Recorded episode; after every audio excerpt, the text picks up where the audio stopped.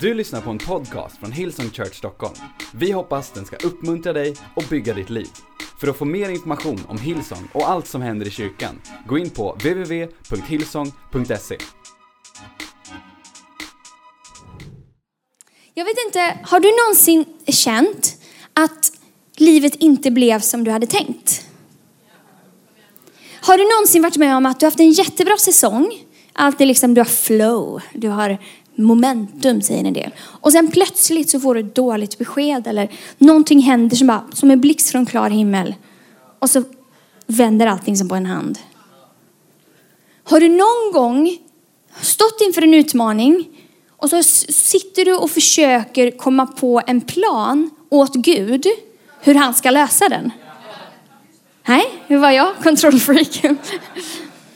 Eh, har du någon gång bett Gud om någonting och sen svarar han inte alls som du hade tänkt?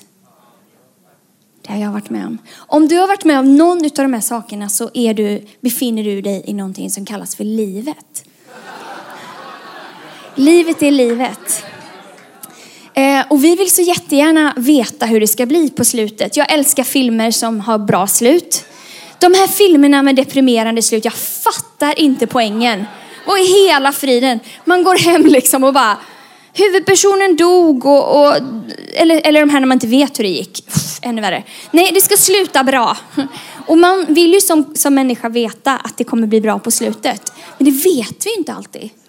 Så vår uppgift är inte att veta hur det slutar, utan vår uppgift är att lita på Gud som vet hur det slutar. Så det är det predikan handlar om idag, lita på Gud. Och det här är faktiskt helt sant. För jag satt hemma eh, vid vårt köksbord och så frågade jag vår dotter Selina Joe, nu 12 år gammal, vad ska jag predika om? Predika om och lita på Gud, säger hon. Och sen satt vi, hon tog upp bibelord till mig och allting. Så ge inte äran till mig, vi ger äran till Gud, men också lite till, till Selina Joe. Men det är så otroligt svårt att lita på Gud ibland. Även för mig som har vandrat med honom massa, massa år. Men i Johannes kapitel 14 så befinner lärjungarna sig i en situation, precis som det där jag beskrev. De har haft ett flow. De har haft det jättebra. De har varit med Jesus. Han har helat människor. Han har gjort blinda att de har fått börjat se. Till och med döda har han uppväckt. De har haft det bra. De har börjat följa honom. Det är massa fans, massa skaror. Och Jesus är på väg till Jerusalem. Men då precis innan, och där tänkte de, där ska han bli kung. De, liksom, nu, de tänkte att nu ska vi göra revolution. Alla hade väntat på Jesus för att han skulle befria Israels folk från romarriket. Okej, okay. här befinner sig lärjungarna. Så plötsligt, när de är i en fantastisk säsong, så säger Jesus någonting som bara inte alls var vad de förväntade sig. Han berättar att Petrus, som alla ser som föredöme, kommer svika, kommer misslyckas. Johannes tänker, oh, om Petrus inte klarar det, kommer jag ens klara det då? Sen berättar han att han ska dö, alltså Jesus ska dö. Va? Vi hade en jättebra plan här Jesus. Våran plan var att du ska vinna massa människor, så nu ska vi till Jerusalem och så ska du ta makten och så ska du bli kung. Och så säger Jesus att han har en helt annan plan. Chockerande, eller hur? Och så säger Jesus i Johannes kapitel 14, vers 1. Låt inte era hjärtan oroas. Tro på Gud och tro på mig. Låt inte era hjärtan oroas. Tro på Gud och tro på mig. Och det är faktiskt den versen jag ska predika om faktiskt, i några minuter här. Det handlar om oro och det handlar om tro, att förtrösta. Så först, oro. Vad gör oro med våra hjärtan? Du kanske tänker att oro, det är bara det mamma håller på med. Undrar hur det ska gå till. Hur ska det gå? Bla, bla, bla. Men oro kan, eh, kan visa sig på många olika sätt. Och Jesus sa ändå till en ganska stor grupp män här också att de inte skulle oroa sig. Så att det finns ju faktiskt någonting här för farbröderna i huset att lyssna på. Men när Jesus säger låt inte era hjärtan oroas så är det som att man har ett hjärta. Jag har ett hjärta här. Ungefär så här ser ditt hjärta ut. Så här ser hjärtat ut och vi kan bestämma, det kommer oro från utsidan. Vi kan bestämma om vårt hjärta ska oroas eller inte. Förstår ni poängen?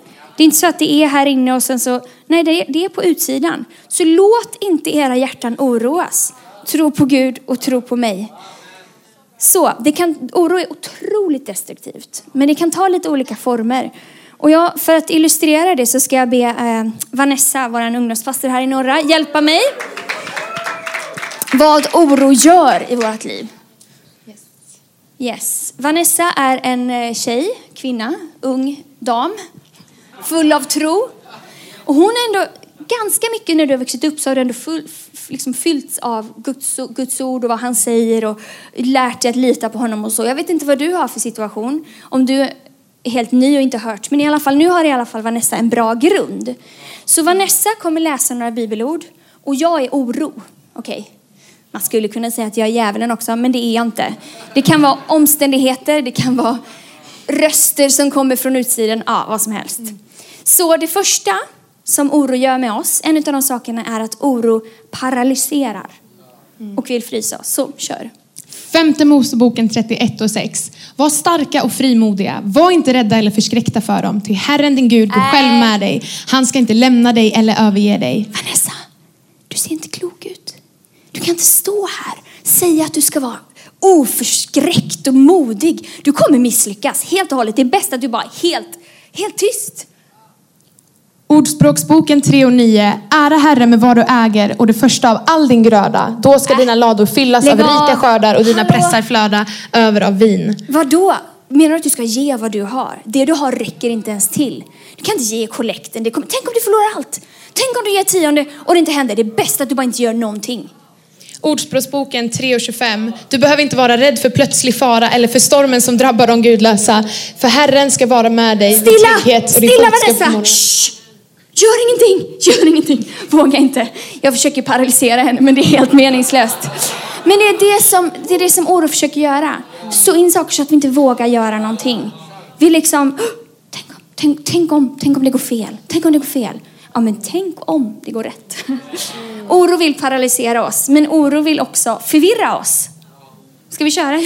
Johannes evangeliet 14 och 27. Frid lämnar jag åt er. Min frid ger jag er. Jag ger er inte det som världen ger, utan jag ska Låt inte era hjärtan oroas.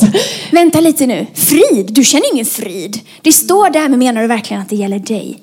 Om du känner efter, du känner ju oro. Finns ingenting som kan, som kan berätta att det där verkligen är sant. Lukas 18 och 27. Det som är omöjligt för människor är möjligt för ja, Gud. Men är det verkligen så? Alltså omöjligt. Alltså det står ju så i Bibeln, men verkligen, alltså gäller det verkligen dig? Jag vet att det gäller några som sitter där på första raden, men jag tror inte att det gäller dig. Kan du glömma? Andra Mosebok 15 och 26. För jag är Herren, din läkare. Men du, du har ju faktiskt ont i foten. Vad menar du? Det där, alltså det där är från gamla testamentet dessutom. Nej, jag tror inte. Jag tror att du måste fundera lite på om det verkligen stämmer. Jeremia 17 och 7. Men välsignade den som litar på Herren och Herren och har honom som sin trygghet.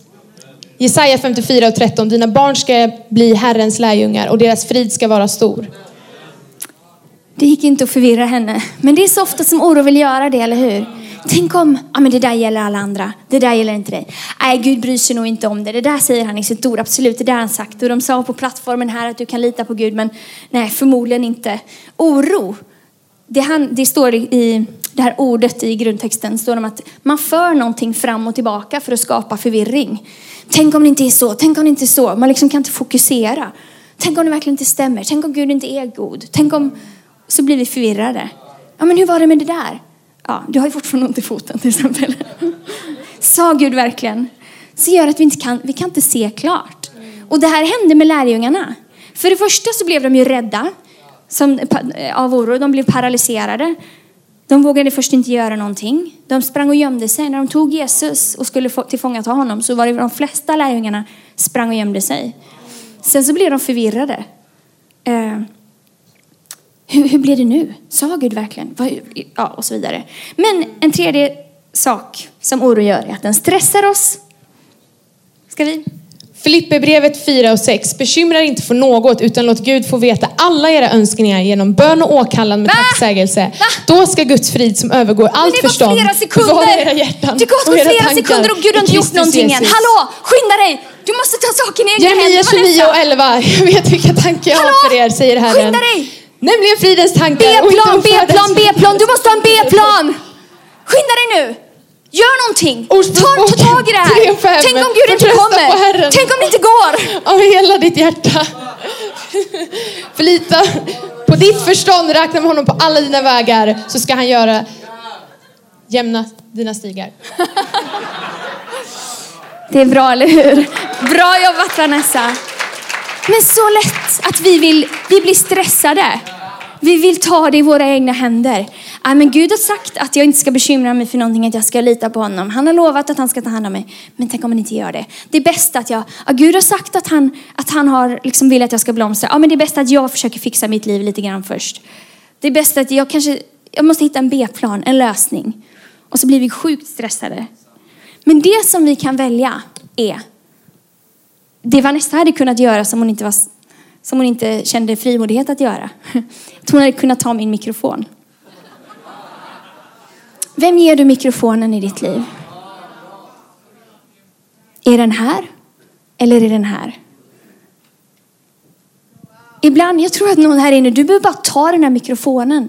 Från oro, från de där orden som försöker sås in i ditt liv. Lyssna inte på det. Välj vem du vill lyssna på. Välj vem du vill lita på. Oro, det är inte bra. Så hur i hela friden ska vi göra? Det var ju väldigt intressant. Vi ska ju inte, Petrus eh, i det här, när vi pratar med lärjungarna, han blev så stressad så han tog ett svärd och högg örat av en soldat. Han tänkte att nu måste jag lösa det här. Det blev inte bra. Men Jesus var snäll, han räddade honom, han helade personens öra och han vann seger på korset sen. Men jag vet inte om vi någonsin kommer ta examen från det här. Att liksom fightas mot oro och fightas mot de här rösterna som vill att vi inte ska lita på Gud. För det är så grundläggande. Så, vad, hur gör vi då? Hur kan vi låta bli oro och hur kan vi lita på Gud? I eh, en övning, översättning som heter The Amplified Bible, engelska, samma bibel, samma ställe, men där beskriver de lite mer vad ett ord betyder. Ni vet svenskan har bara ett ord för en sak. Engelskan har tre miljarder, okej? Okay? Så då står det så här där, Johannes 14, vers 1. Samma ställe. Do not let your heart be troubled, afraid cowardly. Believe confidently in God and trust in him.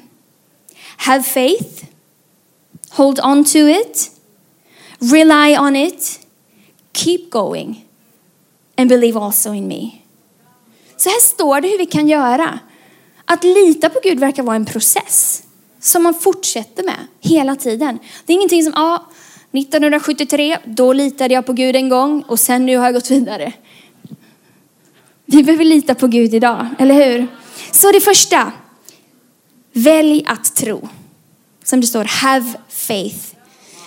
Och då står det liksom två ord, believe, som är att tro på något, och trust, är att lita på något eller någon. Ibland så kanske man bara believe, man tror att det han säger är sant, men för att kunna göra det så behöver vi lita på, trust. Men varför är det så svårt att lita på Gud ibland? Varför är det så svårt? Vi vill gärna ha kontrollen själva, eller hur? Kanske har du inte sett den i ditt liv. Kanske har du inte, liksom, dina erfarenheter har inte visat att du, du är ny i det här. Jag vet inte. Men även jag som är gammal i gamet på ett sätt. Ibland så tror man, vi, vi tittar på omständigheter när vi inte vet hur, ska, hur det ska gå till. Så börjar vi vackla. Men jag vill bara säga dig, det är helt okej om din tro inte är stor. Jesus säger att det räcker att våran tro är liten som ett senapskorn. Om jag hade hållit ett senapskorn här så hade du inte sett det. Det är så litet. Så bara tro, du behöver inte tänka liksom att, ah, tro bara. Bara lita lite grann. Är du helt ny i tron? Det enda du behöver lita på är det här, som vi sjöng förut. Så älskade Gud världen att han gav den sin enda son för att de som tror på honom inte ska gå förlorade utan ha evigt liv. Det var inte för att döma världen som Gud sände sin son utan för att världen skulle räddas genom honom. Så det börjar någonstans. Det börjar att man väljer att tro. Ibland så måste man välja innan. Så man väljer att lita på att det någon säger är sant. Abraham och Sara var två, eh, ett par i Bibeln som kallas för trons, ja de är en del av trons hjältar. Abraham kallas trons fader och då skulle väl Sara vara trons moder då. Eh, för de gjorde den här resan tillsammans. De fanns i Gamla Testamentet, alltså på riktigt, men det står i Gamla Testamentet om dem och de omnämns i Nya Testamentet. Och det är rätt intressant att se dem, för deras resa var inte spikrak.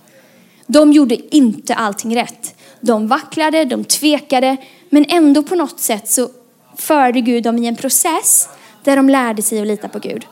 Gud för det första så hade de inga barn. Eh, och på den tiden och även nu, det är en sorg om man vill ha barn och inte kan få det, eller hur?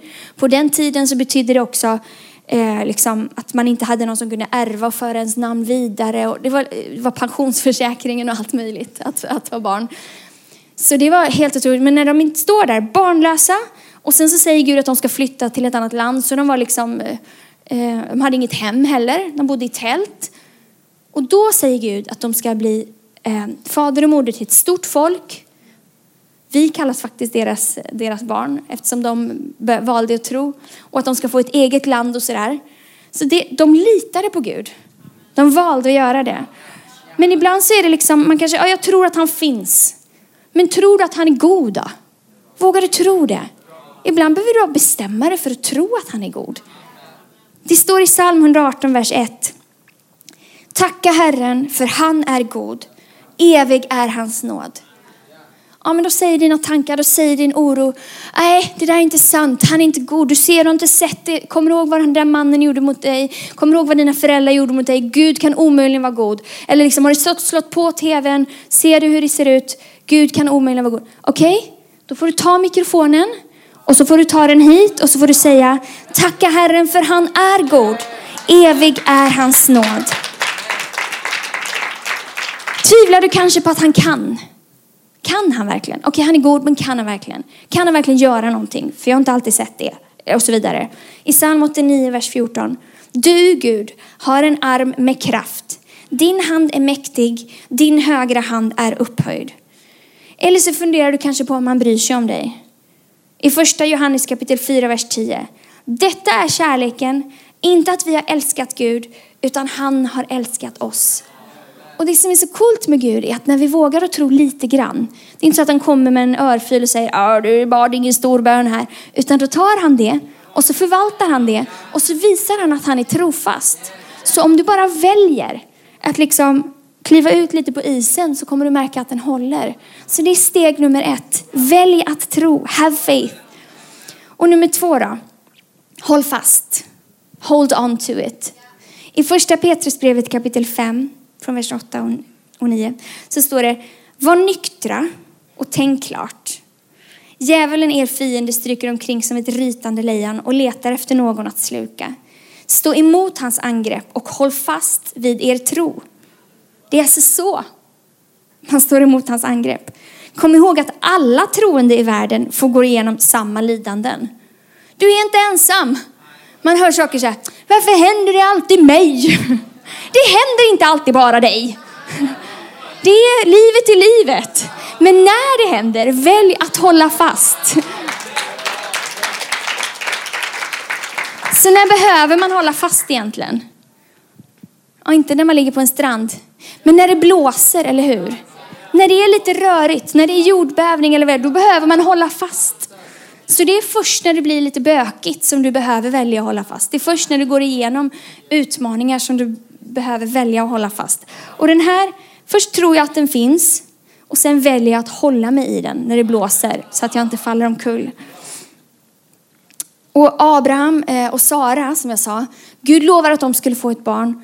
25 år senare kom barnet. Ska man behöva vänta så länge på ett bönesvar? Nej, jag vet inte. Det, det sorgliga var att de tog liksom saken i egna händer lite tidigare som gjorde att Gud fick föra dem. Kanske var därför det tog längre tid. Jag vet inte. Men jag vet inte hur länge man behöver vänta på ett bönesvar. Men jag vet att Gud har lovat att han aldrig ska pröva oss över vår förmåga. Så här står det i första Korintierbrevet kapitel 10, vers 13. Era prövningar har inte varit övermänskliga. Gud är trofast. Han ska inte låta er prövas över förmåga. När han sänder prövningen visar han också en utväg så att ni kommer igenom den. Men ibland behöver man bara välja att hålla fast. Håll fast i stormen. Håll fast vad du nu går igenom. Har du, en jobbig, har du ett jobbigt äktenskap? Har du en jobbig skolsituation? Håll fast vid Gud. Han håller. Håll fast, håll fast, håll fast. Okej, okay. håll fast. Är det någon som har hört det? Nu har vi hört det. Nu går vi vidare. Nummer tre. Gör dig beroende. Rely on it. Så en sak är att tro att den finns. En sak är att hålla fast så att det känns bättre. Men en sak är att rely on it. Jag ska inte sätta mig här på nu för jag vet inte om det håller. Men däremot om jag liksom gör mig beroende. Jag behöver den här nu för att hålla balansen. Och jag vet inte hur det är med dig, men ibland så väljer vi att vara i situationer där vi inte behöver Gud. Du liksom lever ett litet liv och, och liksom försöker att inte ha för stora utmaningar eller gå, ta för stora steg alltså, eller ha för stora drömmar. Så behöver inte Gud. Men om vi ska kunna se Gud göra saker i vårt liv, att han går att litas på, då behöver vi bestämma oss för att hålla fast, att, att göra oss beroende. Inga B-planer. Oh, vad svårt. Så frågan är om du lever ett liv där du behöver Gud.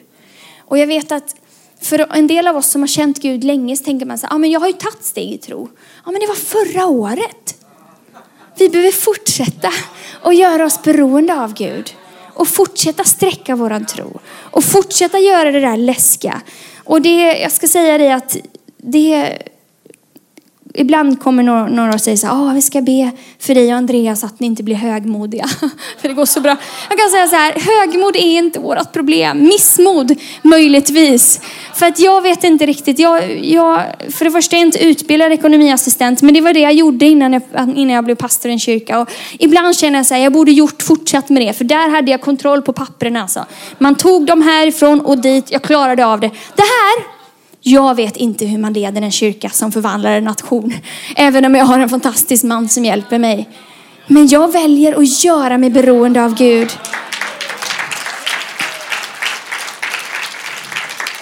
Ibland om jag ska vara ärlig så sitter jag här under kollekten. Jag har bestämt mig att alltid ge. Både för det Tobbe sa, att jag vill att mitt hjärta ska vara där, men jag vill vara generös. Jag vill hela tiden så in i det som är evigt. Jag vill hela tiden investera i andra människors liv. Så ibland så sitter jag och tänker så här, har jag tillräckligt med pengar på kontot? Ska det här funka? Men jag väljer att göra mig beroende av honom. Jaha, tänker pastorer också så? Ja, vi har saker, alltså vårat... Eh, nu är, det inte allt, nu är det inte så ofta så nu, men absolut när vi har byggt kyrkan, när vi startade kyrkan, fanns ingen lön, fanns liksom ingen, det var en liten kollekt, det var inte så många, bra givande, troget givande men, och så vidare. Det fanns månader när räkningarna var mycket större än inkomsterna. Många, många månader. Vi valde att göra oss beroende av Gud, men också vi valde att hålla fast vid honom. Vi valde att hålla fast och nu går jag tillbaka till den punkten, men jag känner att jag kanske skulle säga något mer om det. Många av er känner, vet liksom vår historia och sådär. För, några, eh, för eh, nio och nio år och några månader sedan föddes en underbar tjej som heter Angelina Africa Hope. Hon föddes med ett hjärtfel. Och som förälder, ni vet att när ett barn är sjukt, då skulle man gärna vilja ta det. Jag tar operationerna, jag tar sjukdomen själv. Jag vill inte att mitt barn ska behöva gå igenom det. Och jag kom själv till en punkt. Hon, var, hon föddes med ett hjärtfel, ett stort hål. Eh, och sen så tog det några månader innan de kunde laga det och operera det för de ville att hennes hjärta skulle växa från så här till så här. Så att de kunde, så att de kunde se bättre. En millimeter gjorde stor skillnad. Men då fick jag välja att hålla fast vid honom. Och inte bara liksom vad jag ville att han skulle göra utan faktiskt vid honom och lita på honom. Jag, kom till, jag bad, vi bad, Gud jag tackar dig för att du kom hela hennes hjärta. Vi gav henne namnet eh, Hope för att vi hade hopp och sådär. Men sen så såg jag inte, jag kom till ett ögonblick när jag var tvungen att lita på Gud. Utan att veta vad han skulle göra med det. Jag hade ett ögonblick när jag sa så här, Gud, nu ger jag henne till dig. Han hade henne från första början, men jag insåg inte riktigt det. Utan som förälder så vill man gärna ha kontroll. Gud, nu litar jag på dig. Nu lägger jag henne i dina händer. Vill du hela henne så gör det. Vill du inte det så litar jag på dig. Det var så svårt att göra det. För när jag gjorde det så kände det som att jag övergav min egen dotter. Men det jag märkte var att när jag släppte så var ju hans händer, stora händer under.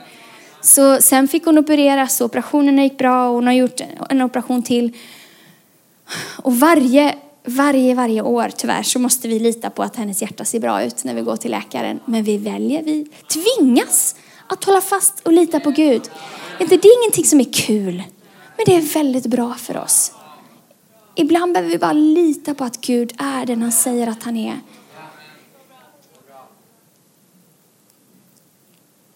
Välj att tro. Håll fast. Gör dig beroende. I Hebreerbrevet kapitel 10, vers 38 så står det Min rättfärdige ska leva av tro. Men drar han sig undan har min själ ingen glädje i honom. Ja, vi behöver leva av tro. Vi behöver leva av tro. Det behöver vara våra mat. Det är där vi ska leva. Vi, alltså, jag, vet, jag växte upp i Afrika eh, under min barndom och där har de ingen val. De måste leva av tro. En del vet inte hur de ska få mat för dagen. De, vet, de flesta av oss här vet att vi kommer äta oss mätta idag. Men tänk, vi behöver kanske tvinga oss själva istället att välja en plats där vi måste leva av tro. Annars begränsar vi så mycket vad Gud kan göra i våra liv. Hans själ har ingen glädje i, i oss och vi får ingen glädje i det heller. Okej, okay. nummer fyra. Fortsätt framåt. Keep going. I Hebreerbrevet kapitel 12 och vers från vers 1 så står det så här att när vi nu har en sån stor sky av vittnen omkring oss, låt oss då lägga bort allt som tynger och särskilt synden som snärjer oss så hårt och löpa uthålligt i det lopp vi har framför oss. Och låt oss ha blicken fäst på Jesus, trons upphovsman och fullkomnare. För att nå den glädjen som, som låg framför honom uthärdade han korset utan att bry sig om skammen och sitter nu på högra sidan om Guds tron. Vi har en stor sky av vittnen omkring oss. Skrämmande och härligt. Men ändå lite så att himlen tittar på oss och vårt liv. Låt oss löpa uthålligt i det lopp vi har framför oss. Jag har aldrig sprungit ett maraton. Jag tror inte jag kommer göra det heller. Har ingen längtan.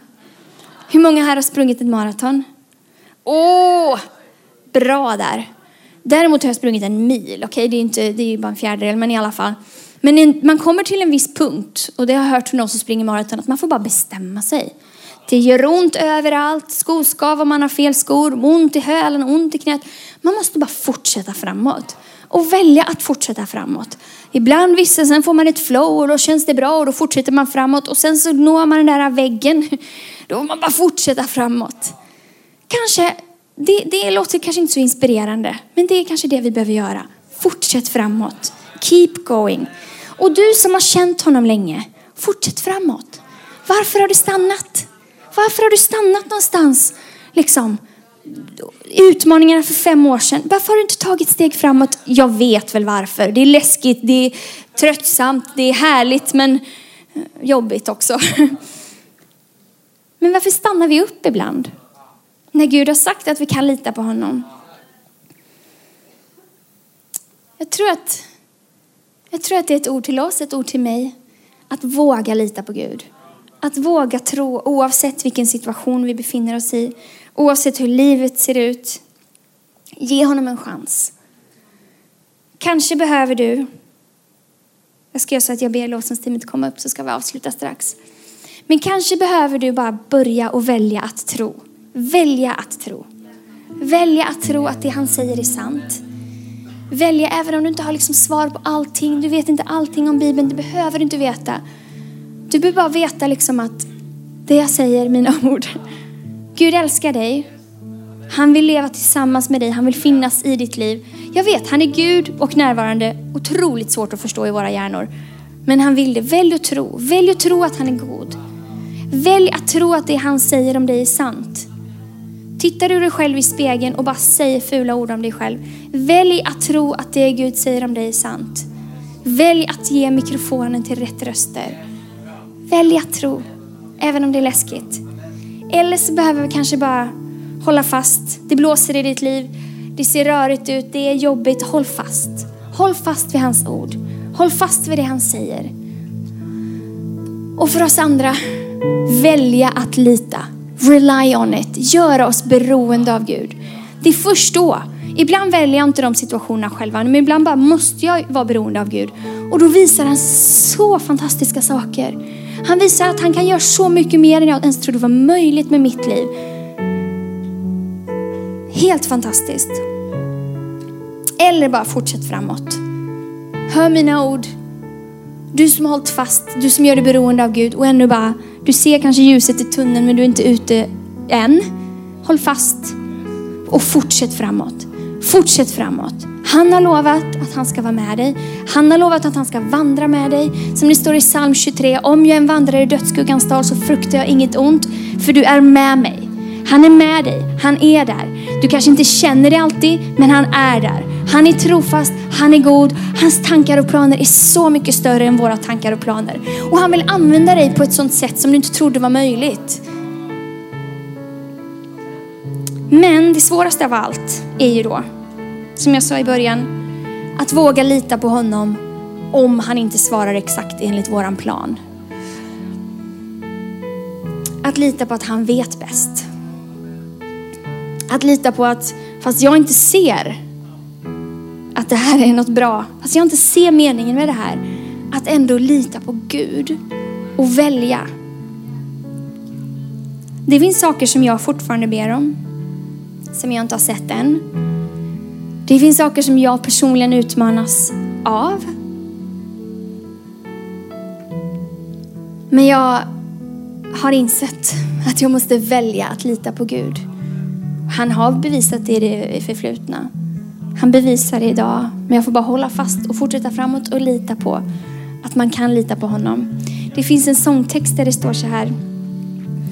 When you don't move the mountain, I'm needing you to move. When you don't part the waters, I wish I could walk through. When you don't give me answers as I cry out to you, I will trust, I will trust, I will trust in you. Mina barn förstår inte alltid varför jag väljer vissa saker åt dem. Mina barn förstår inte alltid varför jag säger nej åt vissa saker och ja åt vissa saker. Men jag som förälder har lite större perspektiv. Ibland behöver vi bara vara som barn och lita på Gud, att han har ett större perspektiv. Så avslutningsvis, Romarbrevet kapitel 8, vers 31. Vad ska vi nu säga om detta? Om Gud är för oss, vem kan då vara mot oss? Om Gud är för oss, han är för oss. Vem kan då vara mot oss? Han som inte skonade sin egen son utan utlämnade honom för oss alla. Hur skulle han kunna annat än att också skänka oss allt med honom? Vem kan anklaga Guds utvalda? Gud är den som frikänner. Vem är det som fördömer? Kristus Jesus är den som har dött, ja än mer. Den som har blivit uppväckt och som sitter på Guds högra sida och vädjar för oss. Vem kan skilja oss från Kristi kärlek? Nöd eller ångest, förföljelse eller svält, nakenhet, fara eller svärd. Det står i skrivet, för din skull dödas vi dagen lång, vi räknas som slaktfår. Men i allt detta vinner vi en överväldigande seger genom honom som har älskat oss. För jag är viss om att varken död eller liv, varken änglar eller furstar, varken något som nu är eller något som ska komma, varken makter, höjder eller djup eller något annat skapat ska kunna skilja oss från Guds kärlek i Kristus Jesus vår Herre. Vi ska sjunga en lovsång. Litar helt och fullt på dig. Din perfektion kan ingen uppleva. Ibland behöver man bara bestämma. Men ska vi bestämma oss för att ännu mer lita på honom det här året? Jag bara ser fram emot att se vad Gud kan göra i våra liv, för oss och genom oss om vi bestämmer att lita på honom. Ska vi göra så att vi ställer oss upp och sjunger tillsammans. Amen.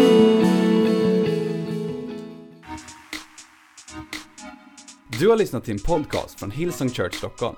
Om du vill veta mer om vår kyrka eller om våra söndagsmöten, surfa in på www.hillsong.se.